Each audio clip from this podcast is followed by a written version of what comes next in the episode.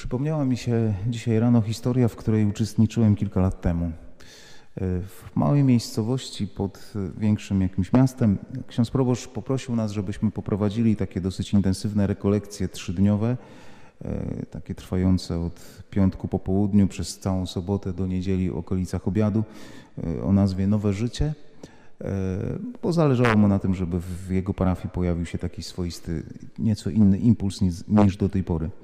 E, ale ponieważ nie było za bardzo pomieszczeń parafialnych, w których można byłoby to zrobić, to proboszcz postanowił w tym celu wynająć e, wiejską salę.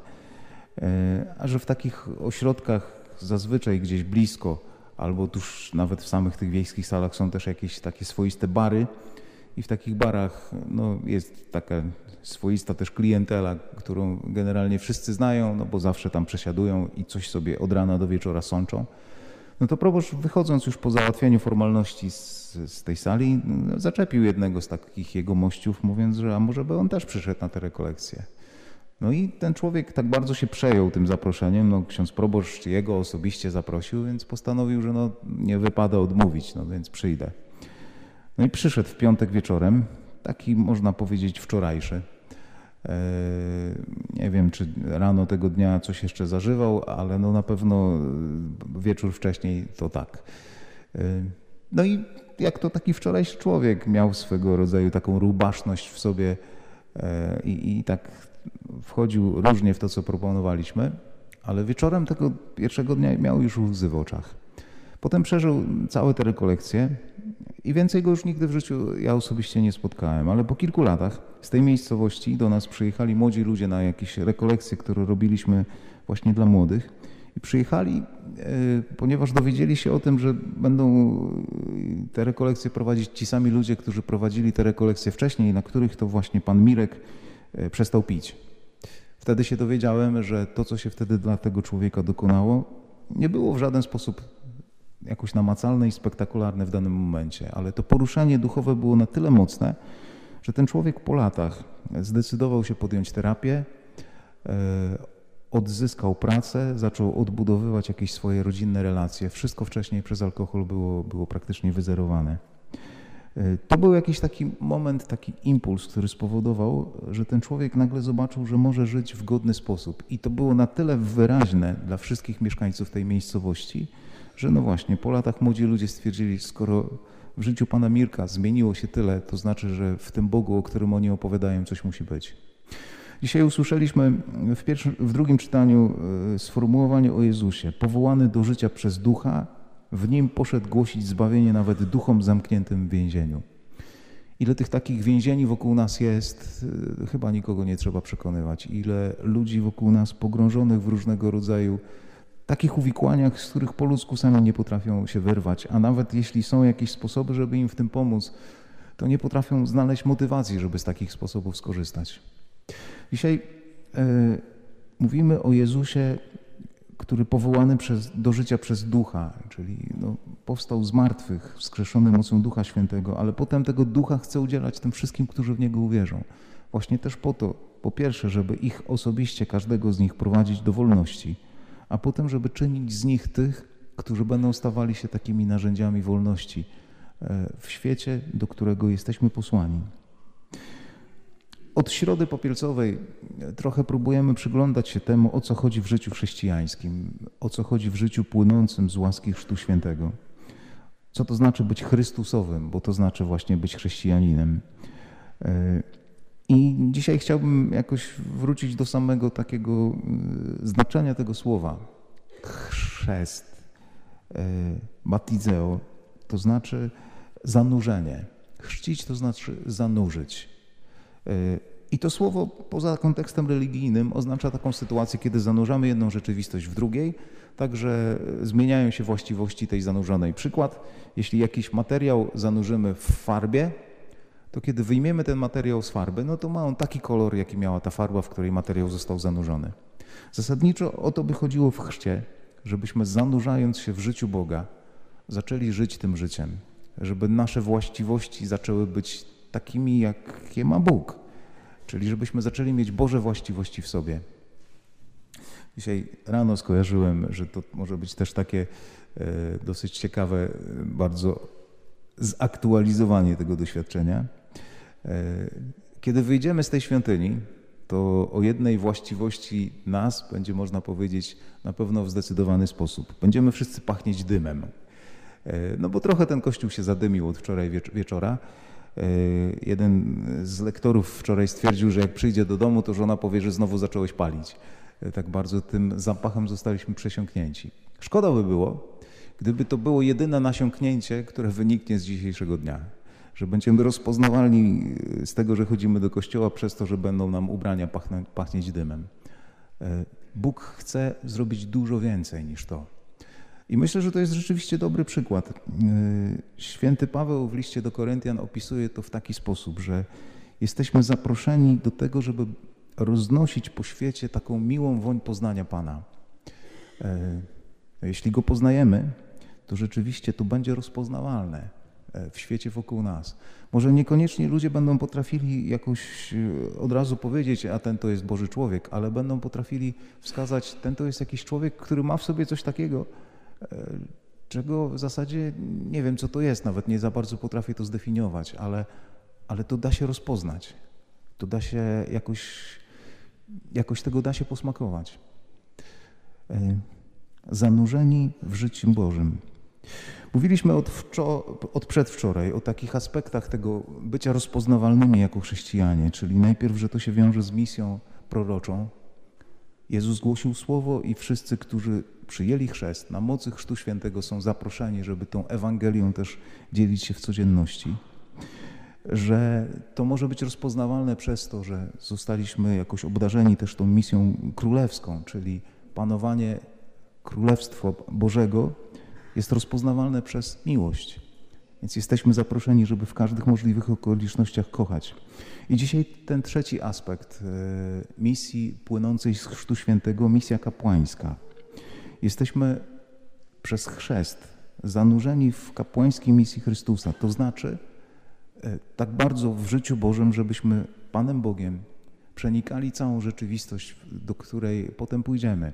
Tak bardzo nasyceni życiem Bożym w nas, żeby to życie udzielało się tym wszystkim, którzy nawet świadomie Pana Boga nie poznali, ale żeby z nas mogli coś z Bożego życia czerpać.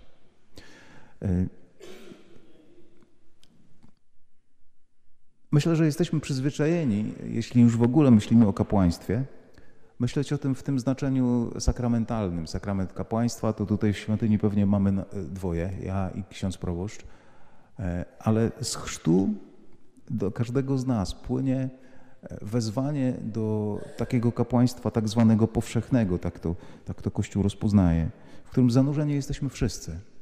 To nie jest wyłączna jakaś właściwość człowieka w poświęceniach. Ona płynie już z tego pierwszego zanurzenia w Bogu, które następuje w Chrzcie Świętym. Tak bardzo pozwolić Duchowi Świętemu przemieniać, przenikać nasze życie, żebyśmy później zanurzeni w Bogu mogli zanurzać w Bogu cały świat.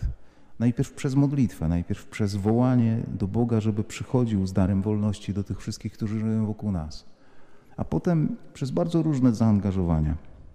I trochę o tym kapłaństwie takim powszechnym i o tym życiu zanurzonym w Panu Bogu chciałbym, żeby powiedział Janusz.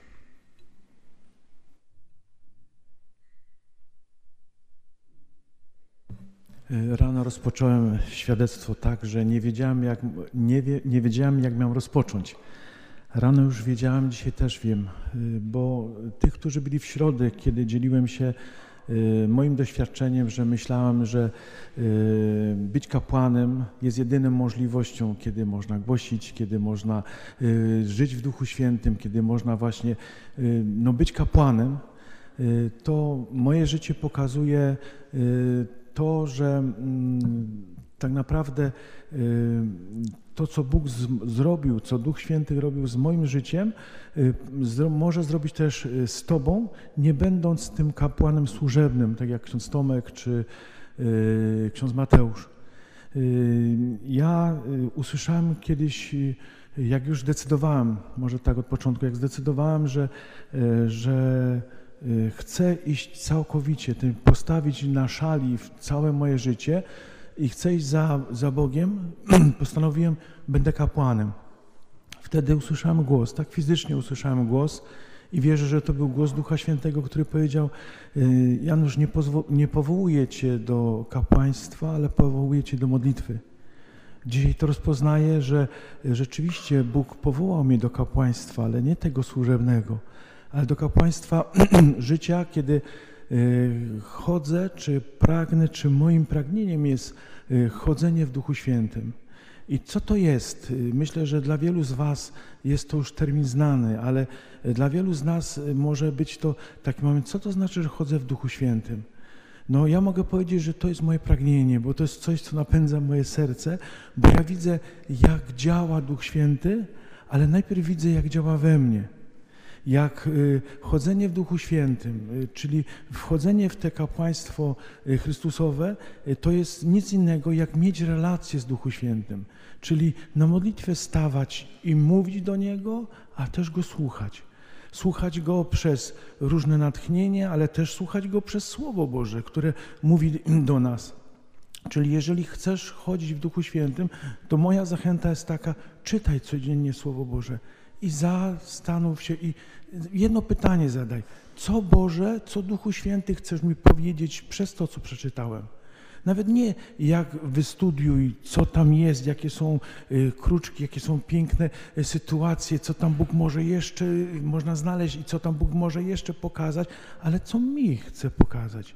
Przez to, co mi dzisiaj pokazał, y, bo dzisiaj też rano już po szóstej wstałem i rozważałem to słowo, Dlaczego? Dlatego, że też zapytam Boga, co chcesz, żebym powiedział, co chcesz, żebym dzisiaj y, Tobie, żebym tu stając y, powiedział, y, że chodzę w Duchu Świętym. To jest nic innego, jak módl się.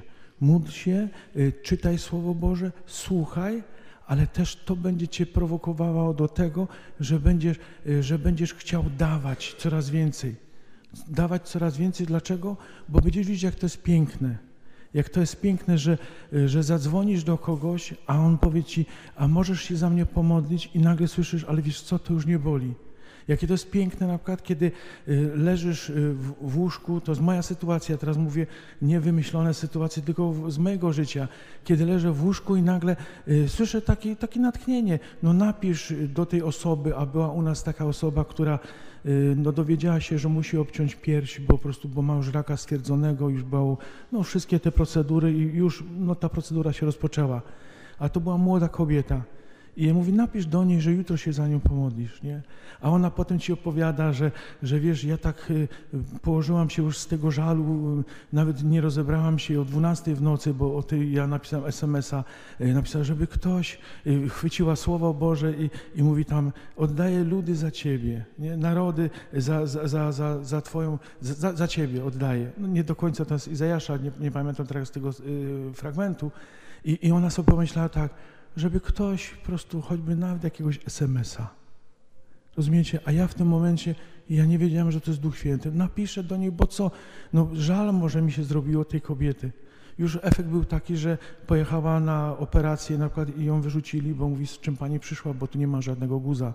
Ale to są już elementy y, słuchania Słowa Bożego, słuchania Ducha Świętego w zwykłym natchnieniu zwykłym natchnieniu. Na przykład dziś, wczoraj y, po wszystkim, jak już poszedłem do pokoju, bo spałem u sióstr, y, rozmawiałem z żoną i on mówi, Janusz, chodź modlimy się, bo nasz wnuk jest chory, nie ma wysoką gorączkę. No i mówi, co zrobimy? Modlimy się za, za, za tą osobę. Kiedy w słuchawce słyszysz, nie już to nie jest to świadectwo, tylko inne, kiedy słyszysz, kiedy człowiek, który leżał, który miał raka, raka kręgosłupa, nagle on wstaje i uklęka, a on nie umiał wstać z łóżka, no bo to już tak, takie kości, kości kruche, bo myślał, że jak się ktoś za niego modli, to musi uklęknąć. I on po prostu z tą wiarą wstał, uklęknął, wiecie, ja tego nie widziałem. Ale to schodzenie, kiedy wystarczy, że tylko będziesz chcieć.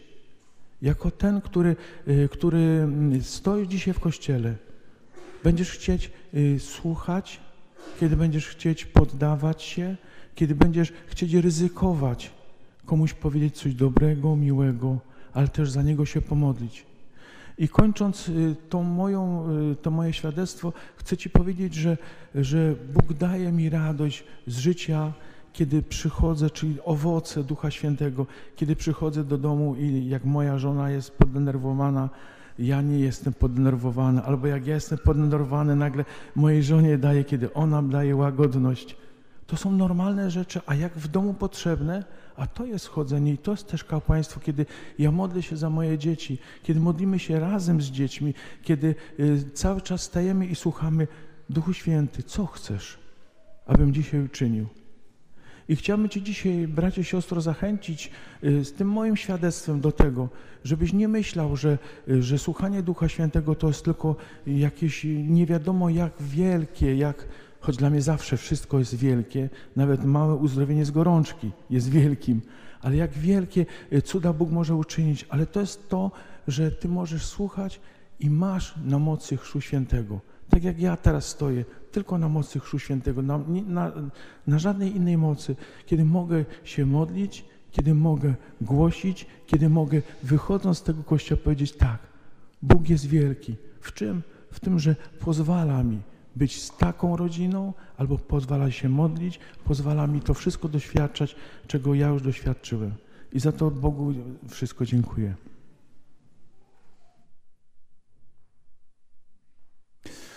To kapłaństwo powszechne e, jest czymś, e, co nie jest wynalazkiem ostatniego czasu, kiedy zaczynamy coraz bardziej mierzyć się z takim kryzysem w tym kapłaństwie służebnym. Dzisiaj przy, przy kawie po śniadaniu rozmawialiśmy i ksiądz proboszcz mówi, że no jakby komuś się to nie podobało, że dzisiaj coraz częściej świeccy ludzie też dzielą się swoim życiem wiary, no to za parę lat będzie tak, że generalnie ostatni gasi światło. Nie? No, albo odkryjemy to coś, co płynie rzeczywiście z Chrztu Świętego i zaczniemy tym żyć w pełni, albo za parę lat rzeczywiście będziemy mieli tutaj jakąś dyskotekę albo coś w tym rodzaju, tak jak już się w wielu miejscach w kościele na zachodzie dzieje. I to wcale nie jest tylko właśnie kwestia tego, że no właśnie jest jakiś kryzys i trzeba mu zaradzić, ale to jest jakby próba odnalezienia istoty tego, co to znaczy być chrześcijaninem. Trochę myślę, że przez lata mogliśmy to spłycić do tego, że to jest taka dynamika pod, pod tytułem robię źle, spowiadam się, potem próbuję żyć przez chwilę dobrze i potem znowu robię źle, spowiadam się. To jest ważny fragment, to taka przemiana moralna życia, ten, to takie zmaganie, ale to jest jakiś tak naprawdę dopiero początek. Misja Chrystusa jest misją każdego chrzczonego człowieka. Więc jeśli chcemy, żeby miłość Boga zmieniała świat, w którym żyjemy, to jesteśmy zaproszeni do tego, żeby tą misję w tych miejscach, w których jesteśmy ją podejmować. I w tym e, jakby zadaniu też oczywiście jest miejsce na tą misję kapłaństwa służebnego, ale to jest ciekawe, w ostatnich latach Kościół coraz częściej właśnie tak to pokazuje, że nie tyle kapłaństwo hierarchiczne, co kapłaństwo służebne, po to, by wszystkim ochrzczonym pomóc odkryć e, to kapłaństwo, które jest jakoś zakorzenione w nich przez łaskę Chrztu Świętego. I nie chodzi o to teraz, że każdy ochrzczony ma zacząć odprawiać mszę świętą czy spowiadać. Nie, nie. Ale to wszystko, co jako kapłani wyświęceni robimy, ma pomóc odkryć wszystkim, którzy kapłanami służebnymi nie są, e, to wszystko, co płynie z życia wiarą. Mm. Potrzebni są ludzie, którzy będą nas chrzcić, tak dosłownie, którzy będą sprawować ten sakrament. Potrzebujemy takich, którzy w sytuacji, kiedy, kiedy nasze życie znowu zacznie się robić grzeszne, rzeczywiście w imieniu Jezusa odpuszczą nam grzechy. Potrzebujemy takich, którzy w imieniu Jezusa sprawią, że chleb i wino staną się ciałem i krwią Chrystusa. Potrzebujemy takich, którzy będą błogosławić nasze decyzje wtedy, kiedy będziemy się decydowali razem kochać przez całe życie. Potrzebujemy tych, którzy w momencie, kiedy zaczniemy e, rzeczywiście upadać na zdrowiu, przyjdą i, i będą w imieniu Jezusa sprawować sakrament namaszczenia chorych. E, ale to wszystko jest jakoś wtórne i właśnie służebne temu, żebyśmy na nowo odkrywali, że każdy z nas jest zaproszony do tej Chrystusowej misji niesienia, niesienia tak jak Jezus, ogłosić zbawienie nawet duchom zamkniętym w więzieniu, niegdyś nieposłusznym. Przynoszenie Bożej obecności, zanurzanie świata e, rodzinnego, społecznego, też świata politycznego e, w Panu Bogu, nie przez deklarację, ale przez sposób wykonywania tego, co na co dzień wykonujemy. To jest ten kawałek e, misji kapłańskiej, do której każdy ochrzczony jest zaproszony. Mm. I tak jak robiliśmy to przez całą rekolekcję, chciałbym tą homilię zaprosić, e, zakończyć zaproszeniem do krótkiej chwili modlitwy, żeby Pan Bóg jakoś dawał nam wracać do Niego, e, nie tylko szukając przebaczenia, chociaż ono zawsze w Nim jest, ale szukając rzeczywiście no, tego życia, które w nim jest. Święty Paweł to streścił, e, wymieniając dziewięć takich owoców, które płyną z życia, z życia Bożego. Miłość, radość, pokój, cierpliwość, uprzejmość, dobroć, wierność, łagodność, opanowanie. E, myślę, że nie ma człowieka, który nie chciałby tych cnót mieć w sobie, tych owoców ducha. No ale jak sama nazwa wskazuje, to są owoce ducha. Jeśli widzimy, że nie mamy ich w sobie, to jest to zaproszenie najpierw do zanurzania się w Bogu, a potem do pozwolenia Mu, żeby właśnie te rzeczy z naszego życia, z naszego serca, z naszej codzienności płynęły.